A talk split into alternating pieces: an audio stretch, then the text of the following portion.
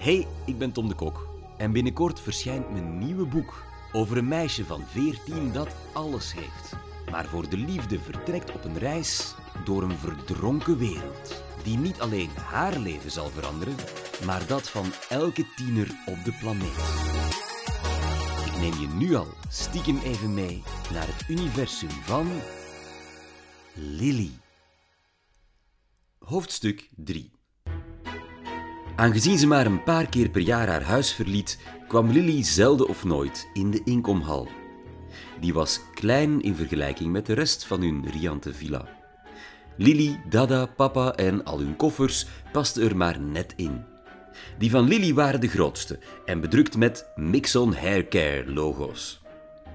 Nu ja, verlieten was een groot woord. Ze zouden uiteraard nooit echt in de vrije buitenlucht komen. Ze waren hun leven niet beu. En dus droegen ze alle drie voor de zekerheid een rebreather, een transparant apparaatje over hun neus en mond dat zachtjes siste telkens ze in- en uitademden. Lily prutste er nerveus aan. Het ding zou haar tijdens de hele reis beschermen tegen virussen, giftige gassen, schubdierenschimmels en andere vieze narigheid, hoopte ze. Want er dook tegenwoordig bijna elke maand nieuw ongedierte op, dat zich via nooit eerder geobserveerde wegen in het menselijk lichaam naar binnen wurmde. Nadat Daddy G nog eens extra gecheckt had of de tussendeur naar de rest van het huis echt dicht was, scharnierde de zware voordeur met een sissend geluid uit het slot. Hun inkomhal was namelijk ook een luchtsluis, zoals die in een ver verleden ook in ruimteschepen werd ingebouwd. Lily's jasje wapperde.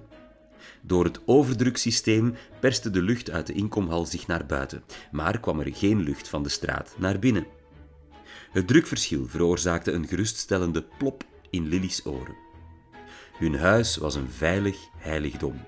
Gezellig voorzien van alle comfort en zo steriel als een operatiezaal. Er zat een auto vastgezogen aan hun deurgat. Zelfs door het rubber en metaal van de autoslurf voelde Lily zons groeien, alsof er iemand met een grote haardroger haar richting uitblies. De taxi was een gestroomlijnd, gloednieuw ding met een bulderende benzinemotor en grote blinkende uitlaatpijpen die boven het dak uitstaken. Door het raampje zag Lily er zwarte rook uitwalmen, die zich mengde met de smog die als een transparante mist hun straat sluierde. De wagen had zes zitplaatsen en nul chauffeurs. Daddy G mikte in een paar seconden en zonder zichtbare inspanning de zware koffers in de open bagageruimte. De deur klapte dicht. Koelte van de airco, kap af, jas weer los. Met een grom hapte de motor naar toeren en hop, wegscheurde ze langs de hoge, anonieme muren waarachter hun buren huisden, naar de brede hoofdweg, waar de blitse helemaal vanzelf invoerde tussen honderden andere identieke wagens en brullend snelheid maakte richting stad. Boven de rijen en rijen glimmende bolides steeg een dikke, zwarte damp ten hemel. Voor ze aan iets anders kon denken, moest Lily wennen aan die zeurderige prikkel van ontsmettingsmiddel in haar neus. Gelukkig filterde haar rebreather de ergste chemische geurtjes. Ze wist dat elk van deze zelfrijdende deelauto's een ingebouwd reinigingssysteem had, waarbij na elk gebruik de volledige binnenkant 100% gedesinfecteerd werd. Onder hoge druk. En dat je niet per ongeluk in die binnenkant aanwezig wilde zijn wanneer dat gebeurde. Er bestonden beelden van mensen die de rest van hun leven niet meer in bad zouden moeten, omdat ze geen vel meer hadden. Lily's blik dwaalde af naar de stad die aan haar voorbijgleed. Als er één ding was dat echt niemand miste uit het verleden, was het wel die rommelige hutsenkluts van dorpen, boerderijen en lintbebouwing die hier 150 jaar geleden nog gestaan had. Hoeveel beter was het nu? Brede lanen, omzoomd door de ene statige glazen reus na de andere. Ze kenden de belangrijkste bij hun officiële naam. Daar herkenden ze de glanzende rondingen van de Charlie D'Amelio Tower, de knettergekke gestapelde eiervormen van Ezran Iqbal Gardens, de spiraal van Stromae en die enorme geblokte tweelingen met die schuine bovenkant waren de Mutti Merkel zwillingsturmen. Sommige hadden maar een stuk of twintig verdiepingen. Andere flirten ver boven haar hoofd met de wolken. Maar ze hadden allemaal één ding gemeen. De onderste etage was precies 10 meter hoog en werd ingenomen door binnentuinen zoals die in Lily's huis, maar dan een paar schalen groter. De meeste gevuld met graan, metershoge tomatenplanten of op elkaar gestapelde hydrobakken met sla en andere groenten erin. Een van de grootste gebouwen die ze passeerden was het kolossale ministerie van Landbouw, waarvan niet alleen de eerste, maar ook de volgende negen etages gevuld waren met ordelijke rijen maïsstengels. Andere tuinen waren dan weer duidelijk voor het plezier bedoeld. Prachtige bomen, struiken met bloemen, een Japanse rotstuin, compleet met een pagodevormige tempel, een kabbelend beekje en gigantische kooikarpers. Ze reden langs het ziekenhuis, waar patiënten in rolstoelen of aan de arm van een familielid door een prachtige overdekte rozentuin strompelden of bij sierlijke fonteintjes op een bankje verpoosden. De motor achter haar rug kermde dat horen en zien verging. De ruime weg bestond alleen uit kaarsrechte rijvakken voor zelfrijdende auto's. De schroeiende zon, die Lily zelfs door het hyperisolerende glas van het autoraampje voelde branden, had ook het onkruid en de cactussen naar binnen gejaagd. Er waren geen voetgangers en na verloop van tijd waren dan ook maar de voetpaden uit het straatbeeld verdwenen. Er stonden nergens scholen, er waren geen bushokjes of restaurants. Waarom zouden ze? Bijna iedereen werkte en studeerde thuis. Je door de hitte buiten wagen om daarna samen met een boel vreemden en al hun ziektekiemen in één ruimte kruipen, je moest wel gek zijn. Dit waren de middeleeuwen niet, hè? Wie kon, bleef thuis. Er waren voorbeelden van mensen die hun hele leven in hetzelfde gebouw doorbrachten en daar perfect gelukkig mee waren. Lily kon zich dat heel goed voorstellen. Winkelen of eten van de pizzeria of de sterrenchef bestellen deden ze alleen online. Fabrieken stonden ergens ver buiten de stad, voorbij de waterwal, wist zij veel. Ze had er in elk geval nog nooit een gezien en kende ook niemand die er ooit geweest was. Er werkten alleen robots. Dat was wat ze er in de online les over geleerd hadden. Ze vond de stad, haar stad, prachtig. Brussel, het centrum van de nieuwe Unie. Al dat keurig overdekte groen, al die rechte straten en snelwegen vol identieke auto's, geen rommel op straat, ordelijk, overal luxe en zonlicht. Lekker clean, gezond voor iedereen. De vakantie was nu echt begonnen. Papa en Dada waren al in een opgebonden conversatie verstrikt met allerlei vuil geroddel over de bekende klanten van papa. Maar hun gekwetter viel plots stil omdat de auto, zowat een kwartier na hun vertrek, vertraagde. Niet omdat er file was. Dat fenomeen was ook iets uit geschiedenisboeken, sinds de laatste menselijke bestuurder haar rijbewijs aan de wilgen hing. In werkelijkheid doneerde ze het op haar negentigste aan een folkloremuseum. En auto's zelf beslisten wanneer het veilig was om van rijstrook te veranderen. Als er al vertraging was, was dat omdat de politie het verkeer bij gevaar automatisch op een lager standje zette. Oh mijn god, is dat niet het gebouw van Bob, je boekhouder, liefje? zei Daddy G tegen papa terwijl hij naar buiten wees. Langzaam gleed hun wagen voorbij een langgerekte wolkenkrabber, die volledig omsingeld was door donkerblauwe panzerwagens en politiedrones. Over de ramen waren op regelmatige afstanden enorme rode Q's van quarantaine geschilderd. Tinea cruris mortalis, fluisterde papa. De schubdierenschimmel, vertaalde Lily. Ekkeba! Pas daarna merkte Lily de mensen binnen in het gebouw op. Het waren er wel vijftig. Ze klopte op de gesloten glazen deuren met bleke vuisten en rood omrande huilogen. Ze smeekte bij de gemaskerde en tot de tanden bewapende agenten en hun drones om de deuren te openen. Opgesloten in hun eigen huis. De groene oase, die hun benedenverdieping ooit geweest was, doemde akelig dood achter hen op. Dorre struiken, stervende bomen, grillige, zwarte schaduwen. Zelfs van op deze afstand kon Lily de witte schijn van de schimmel over de planten waarnemen. En in gedachten zag ze de ziekte kronkelen en kruipen tot aan de enkels van al die opgesloten mensen, tussen hun benen omhoog, over hun borstkas En toen waren ze er voorbij. Hun wagen maakte vliegensvlug snelheid. De benzinemotor knetterde. Het verkeer versnelde weer tot het normale bliksemsnelle tempo. Waarom laten ze hen er niet uit? vroeg Lily.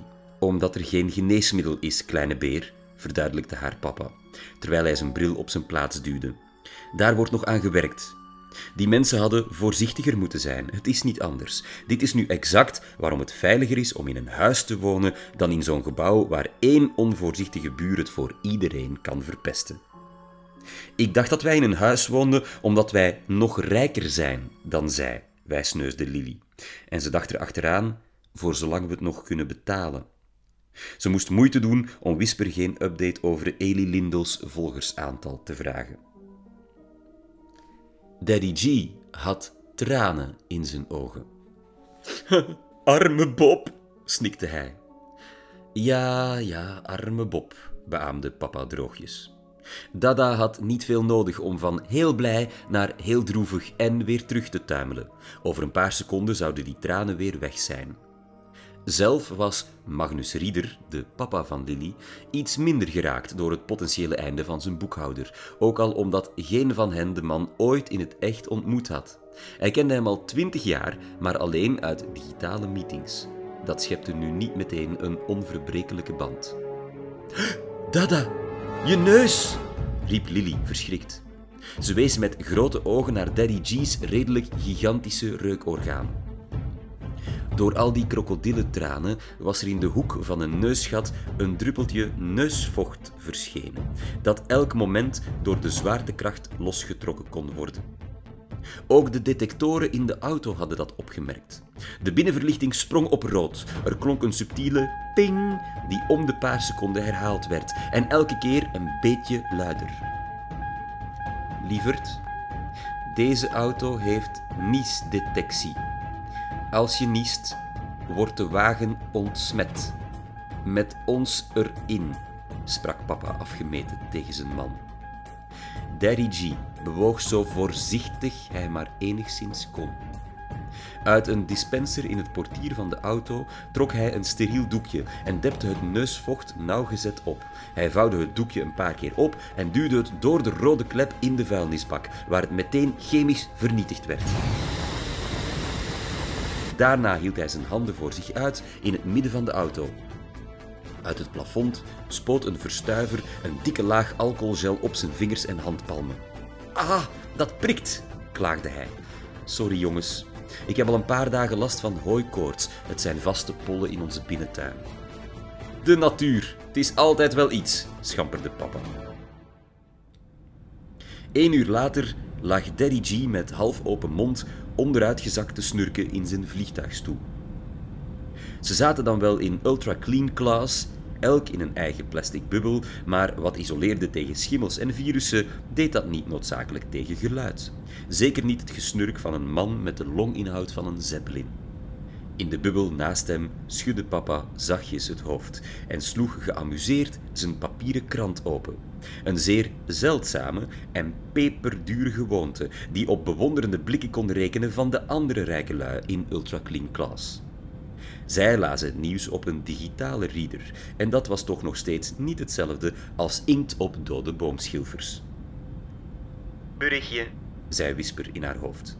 Lily opende haar hand. Muffin. Smell you later. Niet te veel aan Eli denken. Droog bericht, maar toen kwam ook de geurbijlage aan.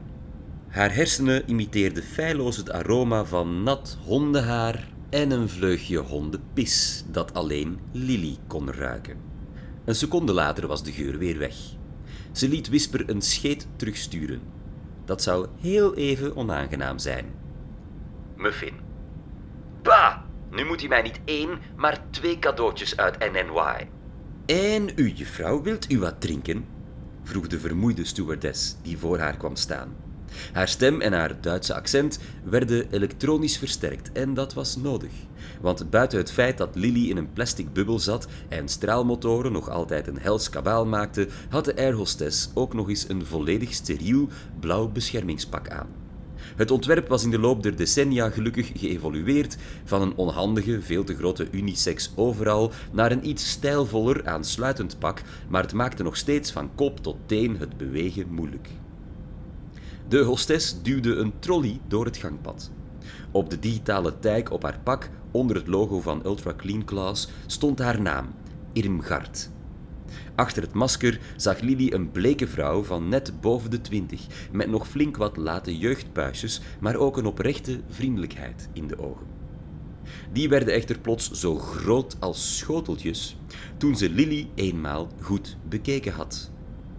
Maar jij, jij bent, jij bent Lily! stotterde Irmgard door de speaker. Lily, Rieder Dubois van, van Cuts with Guts! Oké, daar gingen ze. Lily had dit al duizend keer gedaan: knikken en lachen. De stewardess lachte breed terug, alsof ze net een prijs gewonnen had en het maar niet kon geloven. Nu konden er twee dingen volgen: een ongemakkelijke stilte of een woordenvloed waar geen speld tussen te krijgen was. Even leek er kortsluiting te ontstaan in Irmgards hersenen. Dat werd ongemakkelijke stilte, gokte Lily. Wauw, beton, Irmgard leek te schaterlachen, maar zonder geluid te maken. Misschien lag dat aan het pak. Heb jij enig idee hoe... Ah, ik, ik ben je grootste fan. Wacht, dat zegt iedereen waarschijnlijk. Ja, dat valt wel. Wat een toeval dat ik je hier zie. Ik wist natuurlijk dat je op reis ging, maar dan op mijn vliegtuig. Nu ja, het is niet echt van mij natuurlijk, stel je voor. en zoveel vluchten zijn er niet meer. Oh, en je haar was vandaag weer zo mooi. Maar echt mooi. Ik heb thuis echt alles van Mixon Hair Care, ook voor de kleintjes. Ik heb tweelingdochters, allebei lang blond haar, elke ochtend eindeloos borstelen dus. Hè. Maar zeg eens eerlijk, want mensen zeggen de gekste dingen. Hè. Waar haal jij je inspiratie? Want ja, zo elke dag een nieuw kapsel, dat is toch bijna onmogelijk. Is het waar dat er een team van twaalf kappers bij je inwoont en dat één van hen die robot is die ooit nog het haar van Billie Eilish zaliger heeft geknipt? Oh, sorry, ik ratel maar door, hè. Maar zou je het erg vinden als ik even een snapshot maak? Je weet wel gewoon voor thuis? Geen probleem, ik... Uh... Nog voor Lily kon reageren, ging de blik van Irmgard even op neutraal. Haar ogen focusten op Lily's gezicht en ergens in haar hersenen nam haar eigen versie van Whisper een foto, die ze meteen doorstuurde naar haar man en tweelingdochters thuis. Sorry, wat val ik je lastig? Je bent natuurlijk gewoon op vakantie. Ik met mijn grote mond ook. Wou je wat drinken? Wacht, wacht. Niks zeggen. Je houdt van die nieuwe cola met bietensmaak, hè? Dat drink jij echt met sloten. Gelukkig heb ik er hier ook eentje. Oh, kijk, daar heb je de reactie van de tweeling al. Ze zijn verrukt. En mijn man zegt dat ik moet oppassen dat ik niet tegen je begin te ratelen. Want ja, dat doe ik wel eens als ik opgewonden ben. Haha, hij heeft gelijk hoor. Hoor mij weer eens bezig. Wel dan, goede vlucht. En oh, hier heb je nog wat chips. En wat je ook nodig hebt, roep mij maar, hè. Niet Tyson, mijn collega. Die heeft geen idee wie je bent, durf ik wedden. Wacht tot hij dit hoort. Irmgard was nog steeds tegen zichzelf in haar pak aan het doortateren, terwijl ze onderweg was naar de volgende passagier. Via het doorgeefluikje in de plastic bubbel had ze Lily een Coke Beetroot in een speciaal virusvrij veiligheidsblik gegeven en een zakje chips dat dubbel steriel verpakt was. Lily had eigenlijk thee willen bestellen. Wat haatte ze die gore bietentroep. Ze zuchtte, veegde een roze lok uit haar linkeroog en opende het blikje. Met opgetrokken neus nam ze een grote slok en keek door het raampje. Hun vliegtuig was al een flink stuk geklommen en toch strekte de nieuwe Unie zich in alle richtingen uit tot aan de horizon. In gedachten zag Lily de kaart van de Unie zoals ze die op de online school had geleerd. Een cirkel die roemrijke steden als Parijs en Frankfurt omsloot hele lappen van wat ooit zes aparte landen waren. België, Luxemburg, Nederland, een grote hap van zowel Frankrijk als Duitsland en de bovenkant van Zwitserland. De zes sterren van de nieuwe Unie. Het resultaat van jarenlange onderhandelingen en op het einde een paar korte maar bloedige regionale oorlogen. 200 miljoen inwoners die zoveel geschiedenis deelden dat ze verrassend goed bij elkaar bleken te passen en sinds het ontstaan van de Unie ook steeds meer in elkaar verstrikt waren geraakt, tot ze één grote cirkelvormige natie vormden. Natuurlijk hadden de twee grootste landen de rest zo'n beetje opgeslokt qua taal en cultuur. Zo werd gezegd, in de ene helft van de Unie spreekt men Duits, in de andere helft Frans en in de rest Nederlands. Lily hoorde bij die exotische minderheid, maar beheerste op haar veertiende ook de andere landstalen vloeiend.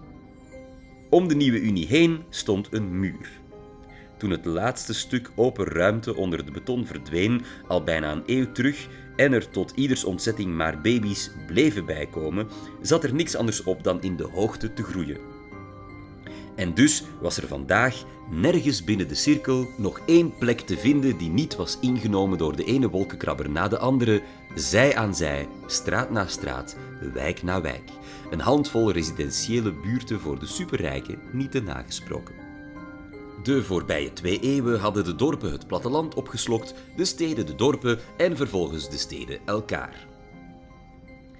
Nu waren zelfs de voormalige metropolen niet meer dan wijken in die bomvolle nieuwe Unie. Hoe meer je naar het midden woonde, hoe rijker je was, met als ultieme centrum de plek die vroeger en nu Brussel genoemd werd. Lily en haar vaders woonden ongeveer in het midden van Brussel. Ze boog zich voorover in haar plastic bubbel om zo goed mogelijk uit het raam te kunnen gapen. Ze zag delen van de stad die ze nog nooit eerder gezien had. Woontorens met de wonderlijkste rondingen en hoeken. Ergens diep daartussen een gerestaureerde gotische kathedraal die ze mentaal aanvinkte om ooit eens te bezoeken. Virtueel, niet in het echt natuurlijk, zoals haar leven niet beu. En toen pas vlogen ze hoog genoeg om de muur te zien opdoemen achter de verste wolkenkrabbers. De Midden-Europese waterwal. 1884,96 kilometer lang, op de meeste plaatsen meer dan 300 meter hoog. De onverwoestbare verdedigingslinie rond die formidabele stad die de nieuwe Unie was. Hun bescherming tegen tsunamis, terroristen en de meeste pandemieën, al waren er uitzonderingen. De muur was hun beste vriend, hun grootste verwezenlijking, dat wat hen allemaal samenhield. Letterlijk, want de meeste mensen verlieten hun stad nooit of te nimmer. De enige weg was via de lucht en dat was voor bijna iedereen een onbetaalbare droom. Of nee, veel juister. Voor de meeste mensen was reizen buiten de muur zo'n beetje het engste en vreselijkste dat ze konden bedenken. En dus waren ze bijna opgelucht dat ze het niet konden betalen. Maar zij, Lily van Cuts with Cuts, was uitgenodigd in New New York en daar zei je geen nee tegen. Hun vliegtuig naderde de muur. Ze wist uit haar lessen dat er buiten de waterwal alleen maar droge woestenij en robotfabrieken te zien zouden zijn. Maar ze kon zich niet herinneren dat ze die ooit met eigen ogen had mogen aanschouwen, dus ze was wel benieuwd. Ongeveer op hetzelfde moment ging de neus van het vliegtuig steil omhoog. De grond zakte weg en er gleed een grijsbruin wolkje voorbij. En nog één, en nog een paar. Een paar tellen later was het onmogelijk om nog iets te ontwaren door een dik, vuilbruin wolkendek. Toen ging ook automatisch de zonwering van alle raampjes in het vliegtuig gelijktijdig naar beneden. Dames en heren, dit is uw captain vanuit de cockpit. Welkom op deze vlucht naar New New York, in het bijzonder aan onze gasten in Ultra Clean Class. Wij hebben de stad verlaten. Ik sluit de raampjes zodat u niet verblind wordt door de zon. De antibacteriële luchtzuivering is geactiveerd. Ik wens u. Whisper, cancel alle geluid, beval Lily. Meteen viel er een totale stilte in haar hoofd. De stem van de piloot, het gebulder van de vliegtuigmotoren, het geroezemoes en gefriemel van de andere passagiers, het geklets van Irmgard drie rijen verder, het gesnurk van Daddy G, allemaal weg. Lily trok haar schoenen uit, rolde zich in haar ruime stoel tot een bolletje, probeerde het indringende aroma van bieten in haar bubbel te negeren en begon aan een welverdiend middagdutje.